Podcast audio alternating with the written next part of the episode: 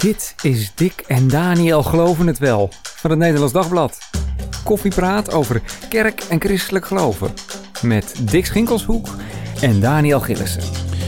Ja, goeiedag. Hartelijk welkom bij deze podcast waar we gaan praten over de vrouw in het ambt of de vrouw op de kansel.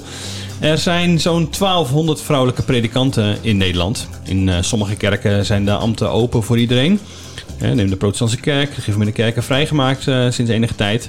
En nu uh, spreken de christgereformeerde kerken erover. Als we deze podcast opnemen, weten we niet precies wat daar de, de, uitslag van is. Maar daar gaat het ook niet helemaal om. Het gaat vooral om wat zit erachter. We willen met elkaar praten over wat de vragen zijn, wat de voor's en tegens zijn. En waarom mensen op dit punt de vrouw in het ambt zo fel zijn.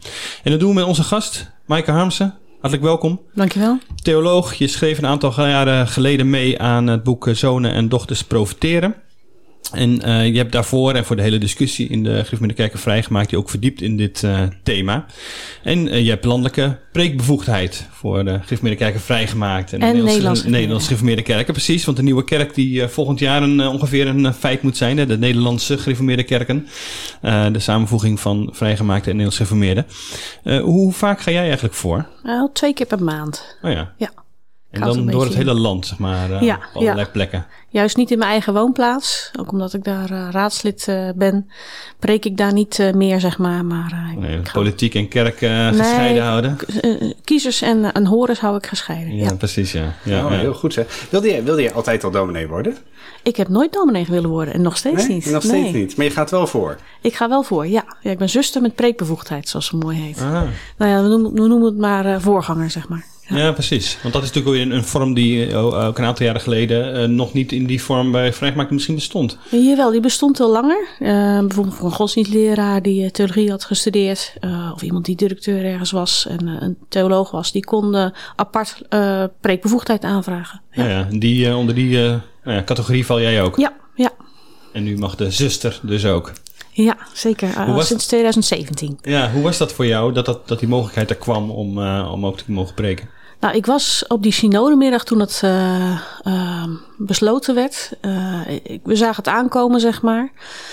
Um, ik was toen aan het appen met Albertine Lene, die nog in Zuid-Afrika zat. Mm -hmm. Dus die, in real time met haar aan het appen van... nou, dit is de stemming nu voor ouderlingen, dit is de stemming voor, voor diakenen. Een van de voortrekkers, hè? Albertine Lene ja, ook ja, al in samen ook met haar het boek uh, geschreven. Maarten Verkerk en Henk Volkers. Um, en dat was echt uh, bijna te trillen op mijn stoel. Ja. ja, van nu gaat het er komen. Nu, dit ja, is een historisch moment. Het was een historisch moment en ook uh, voor mij persoonlijk... Ja, dat, dan ligt er ook voor mij echt wel een vraag van moet ik nu gaan preken? Op dat moment voelde ik ook echt die, die roepstem, zeg maar, om dat te doen. Ik ben, ben natuurlijk ook gewoon altijd lid geweest van de Vrijgemaakte Kerken. Uh, dat is ook voor mij een roeping. Uh, en voor mij was het ook op echt een vraag uh, ja, van boven van wat ga je er nu mee doen? Hmm. Dit ligt op je bordje. Vond je het een, be, een, belemmering of een, ja, dat, dat, dat het niet mogelijk was tot, tot 2017? Ik heb uh, zo ontzettend veel andere dingen gedaan uh, dat ik het niet persoonlijk als een belemmering ervaar, uh, heb ervaren. Um, meer als een soort van logi onlogische puzzel van ja, het, het zou niet hoeven. ik, ik vind het wel bijbels dat vrouwen mm. mogen preken. Um, maar ik, ik, had genoeg te doen, zeg maar. Um, ook misschien ja, jezelf afleiden. Mm. Um, met, met andere dingen, um, ja, hele mooie dingen mogen doen. In, in het buitenland ja. ook en in Nederland. Ja. Maar ook het niet voelde. Nee. nee. precies, dus voor jou persoonlijk stond er niks nee. op het spel. Het was niet zo dat jij een soort toekomst voor je zag en dat werd nu nee. mogelijk of zo. Nee, ik heb altijd jarenlang gepleit voor vrouwelijke ambtsdragers. Ik ben zelf geen ambtsdrager. Nog steeds niet. En uh, ik heb ook geen... Uh... Wacht maar, dat komt, uh, dat komt omdat je het weet. Nee, ik heb wel andere rollen. Hey, even, ja. even nieuwsgierig, waar, waar ging jouw eerste preek over? Goeie vraag, Dick. Ja. Maar, uh... Nou, ik denk een van, die eerste, een van mijn eerste preken was... Uh, er was een preekwedstrijd van Leuven. Uh, en die ging over techniek. Dus ik heb die, die preek uh, gehouden als een van de eerste preken. Mm. En daarna ook mijn preken voor mijn preekexamen. Dus preek het Oude Testament, het Nieuwe Testament. en een preek, ja, onderwerp uit de catechismus, zeg maar. Dus het, het, lesboek van de kerken, ja. Ja, precies. Maar je hebt niet, zeg maar, die kansel, die kans aangegrepen om, om nog eens even uit te leggen waarom jij er echt wel mocht staan of zo? Ik heb dat één keer gedaan in Rotterdam toen ik nog aan het proefpreken was, zeg maar. Uh, toen heb ik uit mijn hoofd in acht minuten of zo verteld uh, waarom vond dat vrouwen mochten preken. En uh, ik kreeg na aflopen, dat was eigenlijk beter dan de preek. dat was wel grappig. Um, um, dus ik, ik heb het één keer op die manier gedaan. Maar voor de rest, ik preek gewoon. En ik krijg na de preek, ik ben nog een keer mijn vrouw zei, ja, ik ben reformatorisch opgegroeid.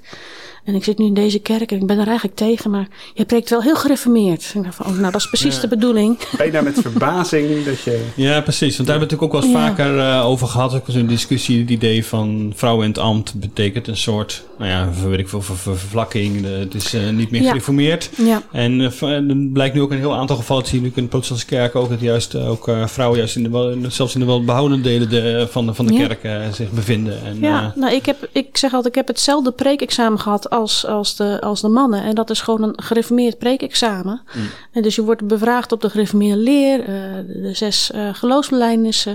Uh, je wordt even doorgezaagd over één een geloofsthema. Bij mij was dat de drie-eenheid. Um, dus je wordt, je wordt op dezelfde manier behandeld. van, ga jij inderdaad als een, een gereformeerde prediker prediken? Ja. Maar goed, daar gaan we zo nog over praten. Want dat is natuurlijk een beetje de vraag van hoe leg je de Bijbel uit. Daar heeft het mm. allemaal mee te maken. Waardoor ook dit soort uh, opmerkingen en vragen naar voren uh, komen. Um, maar we zijn even benieuwd eerst, uh, Dick, dat kun jij voor ons schetsen. Hoe nou het historisch precies in elkaar zit met de vrouwen in het ambt. Ja, ik heb dat natuurlijk even nagezocht. Met name de, de jaartallen, die had ik niet helemaal meer paraat. Hmm. Uh, in 1911 was Anna Zernicke was de, was de eerste, was doopsgezind predikant.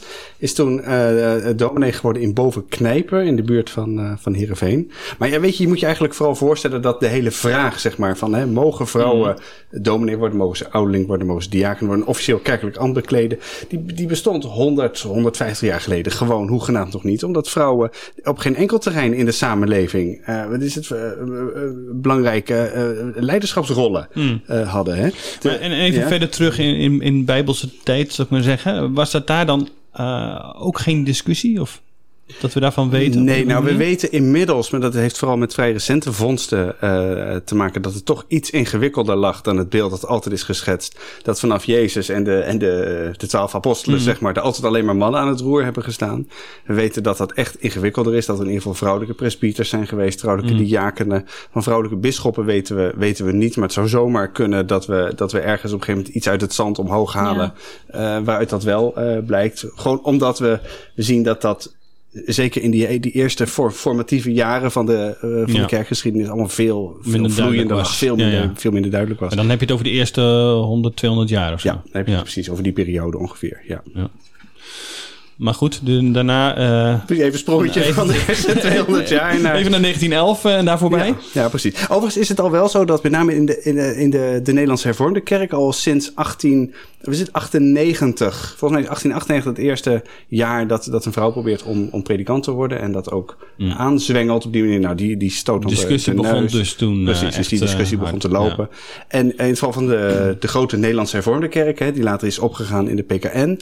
Uh, die hebben in 1958 ouderlingen en diakenen toegelaten tot het ambt. En officieel predikanten pas in 1967. En de gereformeerde kerken in, zijn toen in 1968 gevolgd met meteen alle drie, uh, oh, ja. drie tegelijk.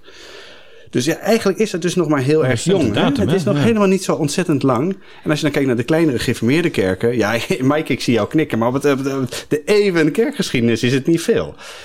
Nee, um, dat, dat klopt. Um, ik moet zeggen, de kerk van de Nazareners hebben altijd uh, hun ambten open gehad. Dat is een meer evangelische kerk, zeg maar. Er zijn ook, meer evangelische kerken die dat uh, hebben gehad. Uh, dus er, is nog meer in de kerkgeschiedenis erover te zeggen. Um, um, ik noemde net het boek, ik wil nu zeggen, van Beth Ellison Barr. Die zegt dat tot de reformatie eigenlijk vrouwen ook een hele andere rol hadden. Ook een lerende rol in de kerk in de middeleeuwen. Uh, maar door de reformatie ze meer, veel meer de rol kregen van de huisvrouw uh, in, in de huisgodsdienst. Mm. En, en uh, zo meer tot zwijgen werden opgelegd. Um, maar de, na de gereformeerde kerk vrijgemaakt, die hebben twintig jaar over deze studie gedaan. Meerdere rapporten geschreven, verschillende soorten rapporten. En de, de, de christelijke gemeenten in 1998 hebben eigenlijk, eigenlijk vrij vroeg al een, een, rapport, een meerderheids- en een minderheidsrapport hierover geschreven. Ja, en dat, toen was de lijn van het meerderheidsrapport in elk geval uh, nee, dat, ja. dat doen we niet. Net zoals nu ook de lijn van het meerderheidsrapport. Het is ook nu ook weer meerderheid-minderheidsrapport, hè? Wat op tafel van de christelijke ja, van een andere kleur. Want het ja. minderheidsrapport in 1998 was van het, het, het zou moeten kunnen, moet het verder onderzoeken. Uh, toen was even de vraag van moeten we deze mensen uh, schorsen dan we dit rapport ja. uh, zeg maar uh, ja, te niet doen. Dat is niet gebeurd. Het rapport is blijven staan als een minderheidsrapport in, in de acta ook zodanig opgenomen. En voor sommigen is dat een dat aanleiding. Dat was al wat, ja precies. Er is dus vrijheid om ook zo te denken. Ja, precies. Ja. De, de, de deur is altijd op een kier ja. blijven staan. Ja. Ja. ja. En we hadden de, de Nederlands gereformeerden natuurlijk, 2005. Die waren eigenlijk, zou je kunnen zeggen, van de kleine gereformeerde kerken de eerste. En als je dan hebt over hersteld hervormde en zo in de gereformeerde gemeente, is die vraag nou, niet aan de orde. Of Ja. nog, nog niet aan de orde. Ik weet niet hoe jij daar naar kijkt, uh, Maaike. Ah, ja, dat is meer de reformatorische ja, gezinte. Um, ze hebben wel uh, dat zij vrouwen niet uitsluiten van uh, hoger onderwijs. En ik weet dan, Baving zei al van, als zodra de vrouwen toegelaten worden tot de universiteit, dan kun je ze eigenlijk niet meer toelaten het weren van kansel of uh, dezelfde functies als mannen. Als ze het kunnen leren, kunnen ze het ook uitoefenen. Ja, ja Herman Baving, van... de oude, oude geformeerde ja. theoloog, die zag wat dat betreft 100 jaar uh, geleden. Ja, die zag het al bij uh, hangen. heel scherp. Ja. Ja. ja, dat is het punt natuurlijk van emancipatie en educatie. Dan, dan, dan gaat er wat gebeuren, zeg maar. Dan kun je niet de structuren ja. altijd in stand houden die er waren. Nee, als je zegt, uh, ze kunnen het onderwijs volgen als, er, als daar geen onderscheid is. Hè, dat je precies hetzelfde kunt leren, aan, aanleren, dan kun je het ook zelf weer doorgeven. En dat is even een, een belangrijk punt. Dan komen we misschien zo meteen ook wel weer op. Um, er is geen onderscheid in wat een man mag weten en wat een vrouw mag weten. Dat, dat is gelijk. Ja. Het grote verschil voor de, de, de mensen die tegenstander zijn, is in hun argumentatie, is dat zij vroeger konden, konden ze zeggen: ja, maar de vrouw kan dat gewoon niet. Um, ze is er niet toe in staat.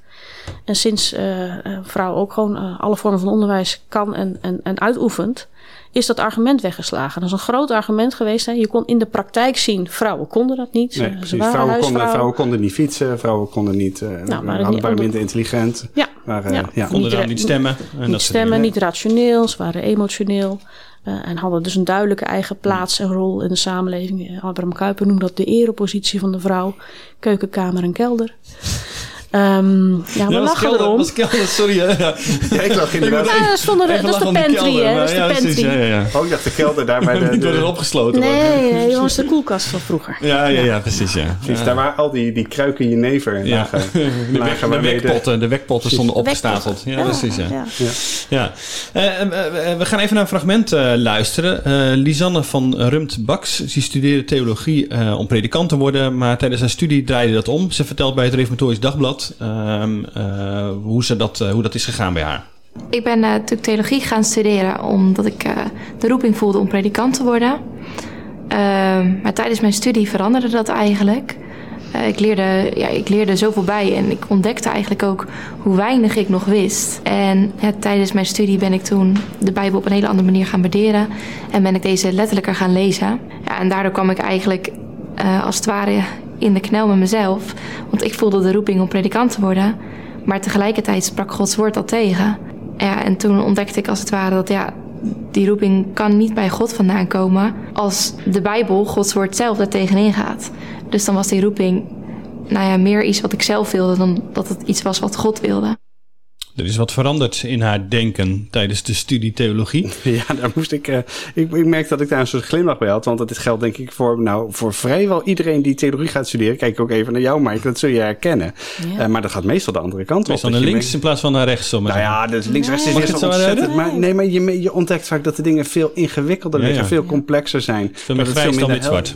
Nou ja, zoiets. Ja, ja. Ja, ja, ja, En bij haar is dat precies andersom gegaan. Ja. En nu, kijk, je kunt natuurlijk een beetje cynisch zeggen van ze wordt nu op het, op het, op het schild geheven, zeg maar, van de tegenstanders. Mm. Van kijk eens, we hebben, we hebben iemand aan onze kant die zich, die zich bij onze groep heeft, heeft gevoegd. En ze is ook nog vrouw. Uh, maar ik bedoel, haar verhaal, haar verhaal is wel bijzonder. Ik ken ja. overigens veel meer vrouwen die exact de omgekeerde route hebben afgelegd. Nou, Katie Keller heeft een boek geschreven en uh, die heeft ook die route. De vrouw van, uh, van Tim, van, hè? Van Timothy Keller Tim, in New ja. York. Uh, die, heeft, die heeft een boek geschreven waar ze beschrijft dat ze eerst veel meer een feministische gedachte had. En door bijbellezen inderdaad ook ehm, tot de conclusie kwam: een vrouw niet ouderling of predikant uh, kon worden. En heeft daar een nou, klein, ik weet niet of het in het Nederlands vertaald is, maar een klein boekje over geschreven. Het is wel interessant om ook dat even te lezen. Ze komt er uiteindelijk namelijk ook weer niet uit van wat is de achtergrond nou van het verbod?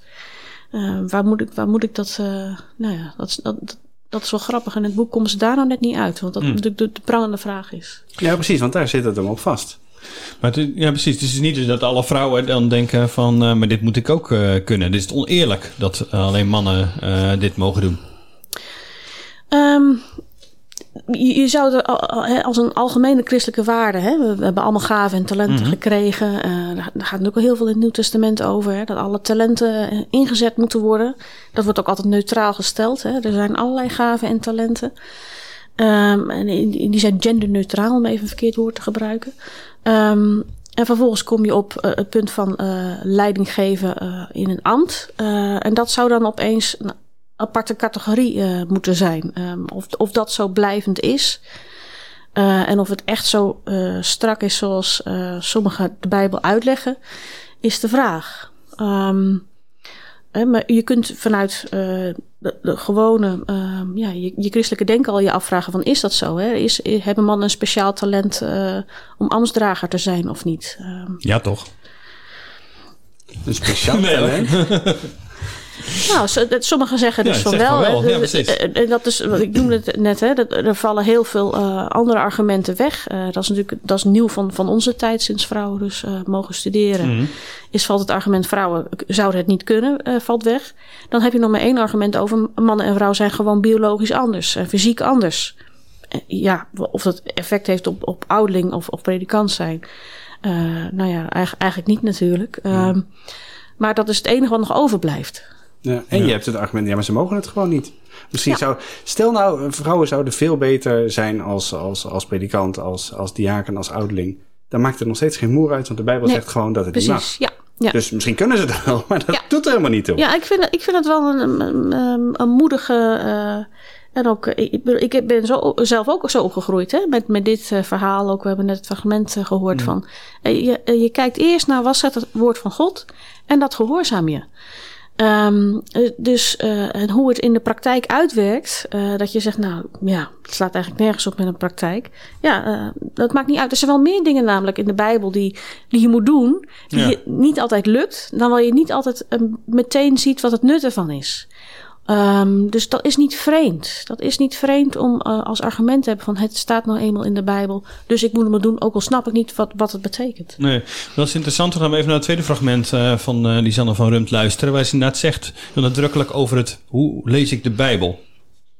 Op een gegeven moment ben ik ook, ja, omdat ik toch gewoon heel graag predikant wilde worden.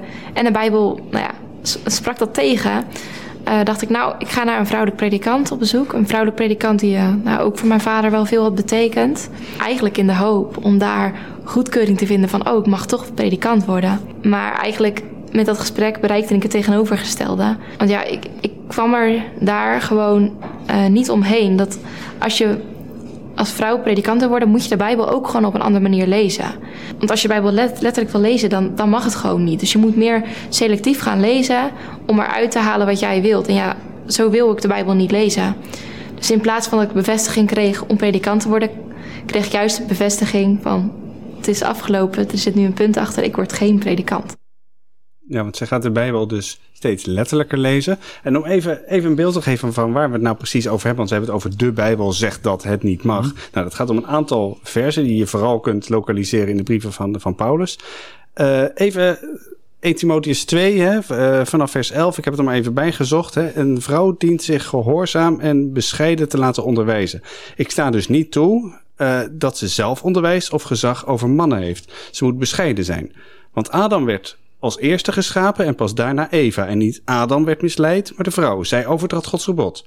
Ze zal dus worden gered doordat ze kinderen baart. Als ze tenminste volhardt in het geloof, de liefde en een heilige, ingetogen levenswijze. Ja, is dat een heldere tekst of niet, toch? Ja, dat bedoel ja. ik. Dus. Ja. ja, en dat is het mooie ervan. Um, die tekst uh, lees je Eh, en die lees je vijf, zes keer. En dan denk je van ja, uh, vrouwen die geen kinderen kunnen krijgen, uh, worden die dan al wel gered? Nou, je, hebt, je, hebt, je, hebt je Mhm. eerste vragen. En vervolgens denk je van ja, de dieren waren toch eerder geschapen dan Adam. Dus dan ga je nog meer vragen stellen.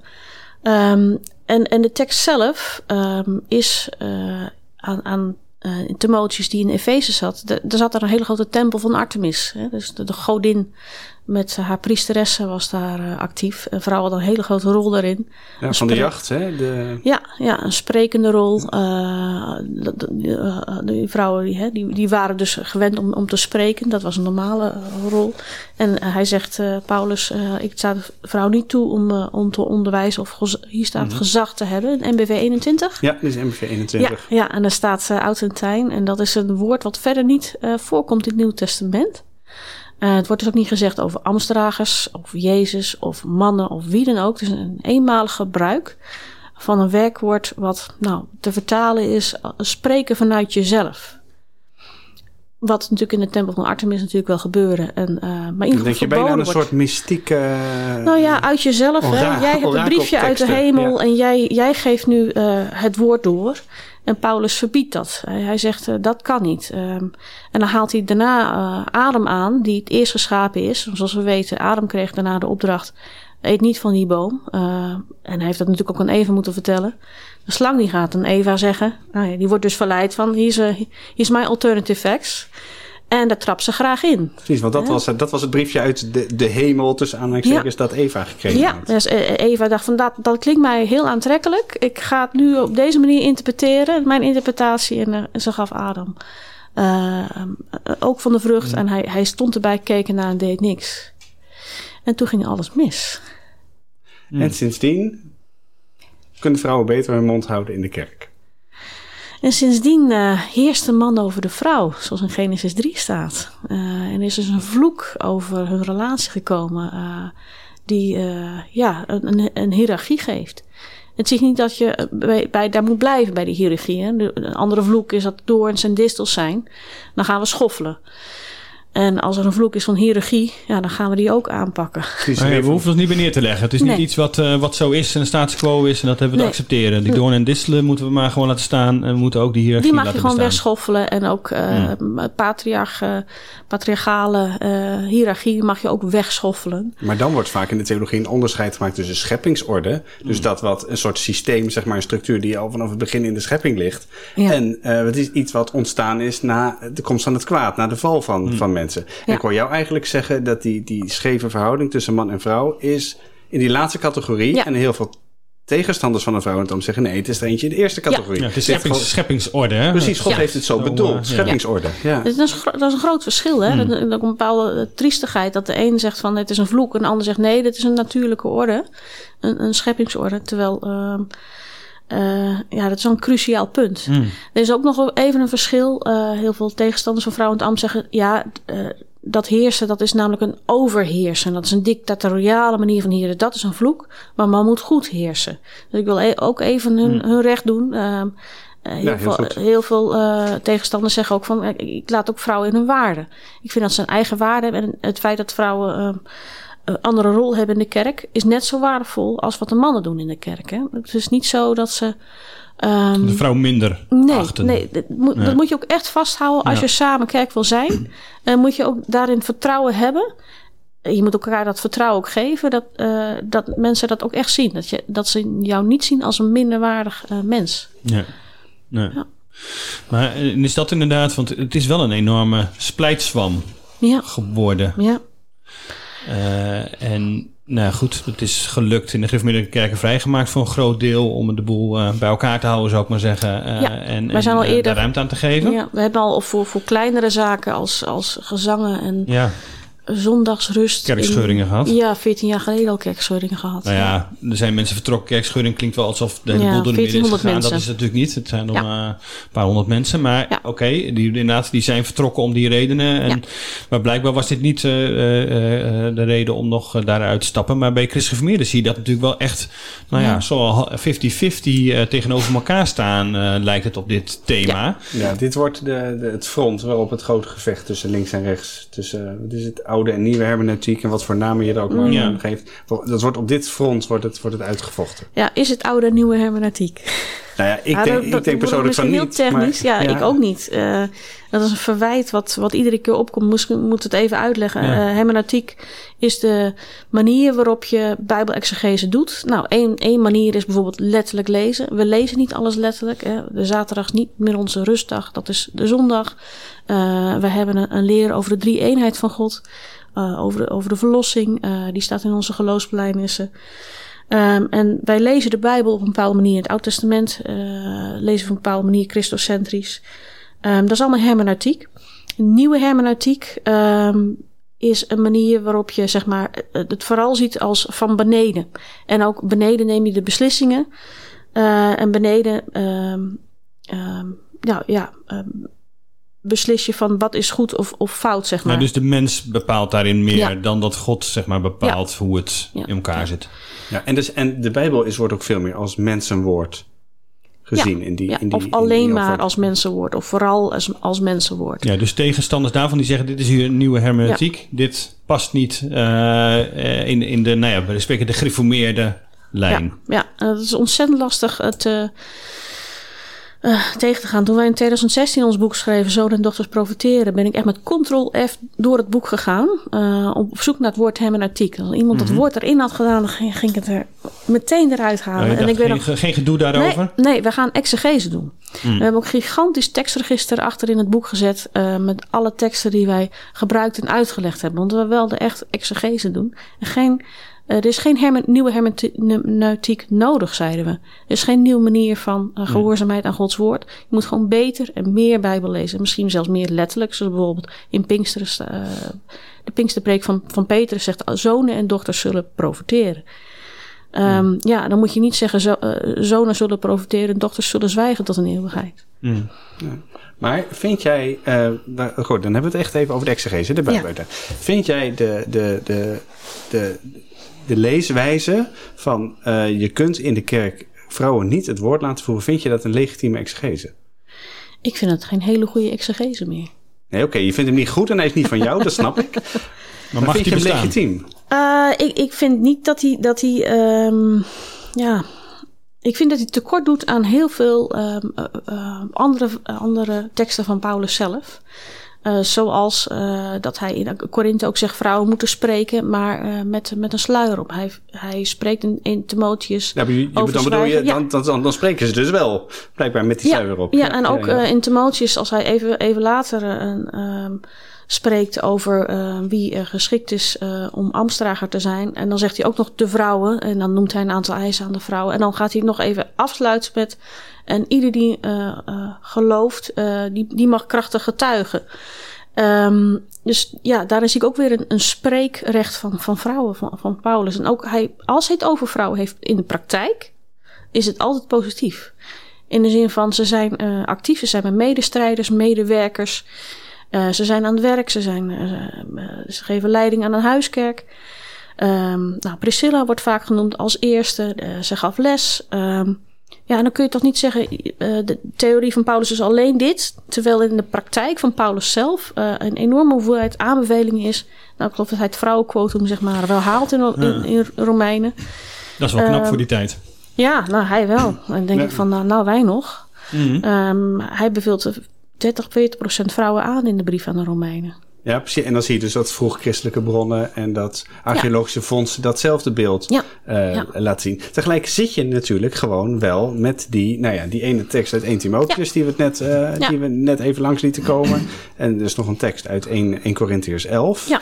Ehm, ja, de grote vraag daarmee is dan toch, ja, maar hoe moet je die dan lezen? Zijn dat dan een soort van lokale geboden, zoals eh, Paulus wel veel meer eh, zegt, jongens, hou daar even rekening mee. Hij heeft het aan die, aan de, over de Mhm. Corinthiërs heeft hij het over de manier waarop van avondmaal vieren. Dat het, omdat dat daar op dat moment een enorme bende was, heeft hij En aan andere kerken heeft hij het daar niet op die manier Ja. over. Dus op die manier zou je, zou je het toch ook kunnen, kunnen, kunnen oplossen. Niet helemaal, want ehm, als de brief in, in onze kanon staat, eh, dan heeft het ook zeggenschap voor nu eh, en voor, voor altijd. Hè? Dat zeggen we ook. eh, ieder, ieder woord in, in de schrift, de Nederlands geloofsbelijdenis, heeft zeggenschap voor nu. Dus ook die, die lastige teksten in Korinthe en eh, Timotheus. En dan kun je eigenlijk twee manieren, kun je volgens mij dan ehm, ehm, ja, vo- voorstander zijn van vrouwen en ambt. Eén is, ik noem altijd het sluierargument, ehm, of slavernijargument. En Paulus eh, eh, zal nooit slavernij eh, helemaal veroordelen. Hij zal ook niet oproepen om slavernij af te schaffen. Maar hij geeft wel zaadjes. eh, waardoor het, het idee eh, en, en de wijsheid ontstaat om slavernij af te schaffen. Ehm, ik noem het even het slaaf, slavernij-argument. En zo, zo kun je volgens mij de Bijbel ook, eh, ook in die teksten heel goed lezen. Een ander, ander punt is, ehm, wat wij proberen in ons boek, is eh, meer het eh, Pinksterargument van er is, een, er is een, de grote lijn dat dochters mogen profiteren. En ehm, als Paulus inderdaad eh, in een stad waar eh, Artemis eh, vereerd wordt, zegt van vrouwen mogen niet eh, de les gaan lezen, dan wel uit zichzelf gaan spreken, maar liever zwijgen en wat langer onderwijs volgen. Om daarna toch te spreken, denk ik dan. Ehm, laat het maar zo, zo staan, eh, maar dat betekent niet dat zij, dat zij voor altijd zwijgen. Hm. Dan heb je dus geen, maar dan kom je uiteindelijk toch ook bij het idee dat het geen universele geboden zijn. Eh, Maar Ja. dat je, je leest ze ook in de context waarin ze... Volgens mij is dat een hele, hele terechte manier van Bijbel lezen. Dat je de teksten leest in de context en voor de, de, voor de hoorders voor wie het allemaal bedoeld is. Ja, maar je Eh. hebt dus ook een praktijk. eh, Dan heb je ook een toepassing voor deze praktijk. Namelijk dat vrouwen dus ook nu nog niet uit zichzelf mogen spreken. Maar ook Gods woord moeten horen en dat moeten gehoorzamen. Ook een preekexamen. Ik, ik noem het zelf in mijn preekexamen. eh, een van de redenen dat ik een preekexamen wou doen, eh, was Timotheus tekst. Eh, ik, ik spreek niet uit mijzelf. Ik, ik spreek dan namens God. Ehm, ik heb onderwijs gevolgd. Eh, gaan jullie controleren of ik gereformeerd spreek? Want als ik eh, de tekst van Timotheus lees, is dat een gevaar voor vrouwen. Dat ze denken Ja. uit zichzelf mogen spreken. Jij wilde geen, geen Artemis-priesteres zijn, Nee. maar je wilde Nee. gewoon, als we dus goed geïnformeerd op de, Yes. kansel, op de kansel staan. Ja. Ja. Maar dat geldt er voor mannen toch net zo goed? Tuurlijk. Maar blijkbaar eh, eh, had, hadden vrouwen in die tijd extra die aandacht nodig. En die extra die waarschuwing nodig. Eh, ja, en, en is het gevaar voor hun dat ze uit, uit eigen beweging eh, gaan Maar praten. het is dus niet zo dat je, want dat wordt natuurlijk wel eens gezegd, ja, de, de totale verschillen tussen mannen en vrouwen willen de voorstanders helemaal uitvlakken enzovoort. Dat is niet wat ik je nu hoor doen. Het is niet zo dat Mhm. Nee. er totaal geen enkel verschil is eh, en dat het daarom gewoon sowieso moet vanuit feministisch oogpunt of wat dan ook. Ja, dat is heel lastig. Hè? Dat, ehm, wat bedoelen we met gelijk? We bedoelen met gelijk gelijke rechten en plichten vaak. Hè? En niet gelijk in, in fysiologie of biologie. Eh, dat is niet zo. Eh, en dat is niet erg. Ehm, er zijn misschien ook eh, psychologische verschillen in het algemeen voor mannen en vrouwen. Maar de, de vraag is, als die verschillen er zijn, is, het- is het dan gerechtvaardigd om onderscheid te maken in taken en rollen? Dat is het verschil. Ehm, dus ehm, ze zijn inderdaad niet gelijk, maar ze, hebben wel- ze kunnen wel dezelfde taken en rollen doen, mits ze daarvoor het talent of de gave hebben. Ja. En is er een manier om die, die, die splijtswam die je dus eerst te overbruggen? Eh, kunnen de groep elkaar naderen? Eh, ja, eh, vertrouwen. Dus heel veel. ik, ik zei net dat- dat je vertrouwen hebt dat een groep die, die zegt van ik zie daar toch verschillende rollen in. En ehm, dat die, die groep die, die tegenstander is, het vertrouwen heeft van die andere personen willen echt luisteren naar de Bijbel. En dat vertrouwen ook geven. En, en behouden en ook in gesprek blijven. Ehm, en dat de anderen ehm, ook zeggen van nou ja, eh, ze willen niet dat vrouwen ehm, in het ambt gaan, maar ik heb wel het vertrouwen dat ze vrouwen echt als gelijkwaardig zien. En je moet dat elkaar dat vertrouwen ook geven. Maar ja, en, maar, ja, precies. Maar dat is natuurlijk wel, wel mooi. Maar als iets fout is, of als iets eh, ook eh, ervoor zorgt dat, dat vrouwen niet de plek krijgen die ze eigenlijk wel zouden eh, ja, verdienen, of Ja. gewoon waar ze recht op hebben, ehm, dan nog maar even de slavernij, als ik die erin mag gooien. Dan denk ik, ja, hallo. vroeger uh, onder de kerk hebben er te weinig uh, mond opengetrokken over uh, de omgang met, uh, met, met zwarte medemensen. Um, nu gaat het over man-vrouw. Moet de kerk, moet de christen in zijn algemeenheid er ook niet, christen in zijn algemeenheid niet, ook niet zeggen van jongens, dit, uh, dit, dit kan toch niet? Hier moeten we ook duidelijk stelling nemen. Ja, ik, Ik weet niet helemaal of je dat op die manier kunt, kunt vergelijken. Ik ben wel benieuwd, maar Maaike, hoe, hoe jij hier naar kijkt. Maar als je, als je eh, zegt van, maar ik neem vrouwen volstrekt serieus. Eh, Ik bedoel, er is geen ongelijkheid. Er zijn andere taken. Er zijn, nou ja, noem, het- noem het allemaal maar op. En op deze manier lees ik de Bijbel. Ik bedoel, ik denk dat het wel een hele legitieme exegese is, zal ik je eerlijk zeggen. Ik bedoel, het is niet Maar de veel voor vrouwen zwa- maar- eh, zwarte in, dan denk je toch van, dan kan het toch opeens. Nee, maar er staat geen zwart. Er staat geen Nee, zwarte. Ja, precies, nee. maar ja. Je, kunt, je kunt er ook brildragers voor, in, voor, voor invullen. Dan hebben jij en ik een probleem. Ja. Maar eh, dat staat er niet. Eh, Ik bedoel, ik, ik- kijk nogmaals, het is niet de manier waarop ik de Bijbel lees. Ik zou heel sterk geneigd zijn om eh, nog wel wat sterker dan Maaike doet. Om, de, om de, het heel erg con- contextueel te, eh, Mhm. te lezen. En dan zou je het zelfs, de, bijvoorbeeld, dat volgens mij Paulus heel sterk eh, zit op een lijst van, een lijn van wijsheid. En het is verstandig om te doen in een, in een samenleving zoals de Grieks-Romeinse, waarin het verschil tussen man en vrouw zo ontzettend groot was.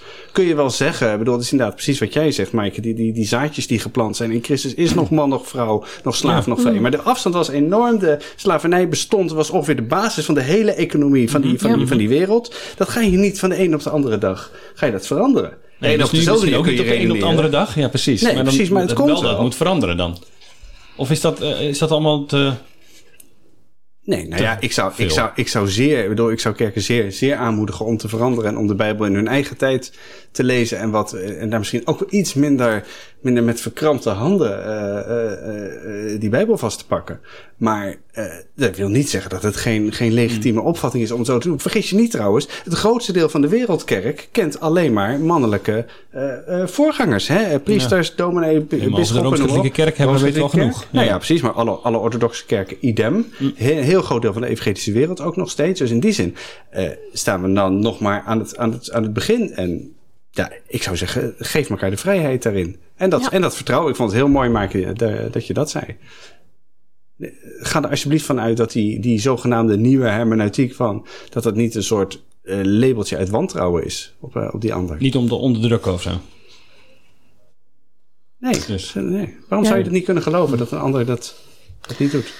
Ja, maar ik, ik hoop in ieder geval bij de CGK dat dat vertrouwen er nog is. Er werd, eh, er werd veel gezegd over. eh, ik heb de synode nog even online nog gevolgd. eh, samen onder het kruis. En ik hoop dat mensen dan ook realiseren dat die vrouwen zijn dus ook onder de, het kruis. Hè? En dat de vrouwen die in de, in de CGK zijn, nou ja, we merken hetzelfde bij de, bij de Nederlandse Gereformeerde en de Gereformeerd Vrijgemaakt kerken. we, hebben, we hebben hetzelfde preekexamen. We worden nog steeds om de gereformeerde leer. Dat is niet aangepast. Da- dan zou ik echt wantrouwen hebben. Als, als opeens wordt gezegd, nou, we hebben vrouwen in het ambt. Nou, dan, dan, dan nemen we de leer ook niet zo serieus. Dat is niet zo. Nee, want dat werd natuurlijk wel gedacht inderdaad, dat daar een verschuiving dan in zou zijn. Ja. En daarvan zeg je, dat zie je, dat is helemaal niet, dat is gewoon precies hetzelfde gebleven. Niks veranderd, ook al eh, zijn de vrouwen toegelaten tot Ja. ambt. Er is, een enorm geva- er is een enorm gevaar door constant zeggen dat eh, wie voor eh vrouw in het ambt is, ben je niet meer orthodox. Eh, Er is een nieuwe hermeneutiek, er worden heel veel dingen opgelegd. Dan, dan denken heel veel vrouwen, orthodoxie heeft mij niks te brengen. Orthodoxie is gevaarlijk, orthodoxie maakt me minder waardig. Ontzettend groot gevaar als je constant dat maar duwt van jullie horen er niet meer bij. Dan gaan mensen denken van, nou, dan zal ik ook de Bijbel niet zo letterlijk moeten lezen. Eh, ik, ik zal eens wat minder, eh, ik zal die teksten maar even overslaan. Laat ik de moeilijke dingen maar even niet meer doen. Ik denk dat ik, ik denk dat ik maar vrijzinnig moet worden om eh, eh, voor vrouwen in het ambt te zijn. Ja. Nou, hier kunnen we nog wel even over Oh, ja. doorpraten, praten. dat is duidelijk. En dat, zullen- dat zullen we denk ik ook nog wel doen. We hopen in elk geval dat je als luisteraar hier er wat aan gehad hebt. Dat je beter inzicht hebt gekregen in hoe wordt er over vrouwen in het ambt gedacht. En wat zijn daarin de, de voor's en, en tegens. En hoe, ja, hoe kan ik de Bijbel lezen en op welke manier? Nou, verdiep je daar ook eh, gerust eh, verder in. Volg in elk geval het Nederlands Dagblad als het gaat om de synode van de Christelijke Gereformeerde Kerk. Als je wil weten wat daaruit komt, nd.nl kun je daar alles over eh, vinden. En vind je dit leuk wat wij doen? Steun ons dan. Neem een abonnement. Ook nd.nl slash abonnement. Tot de volgende keer.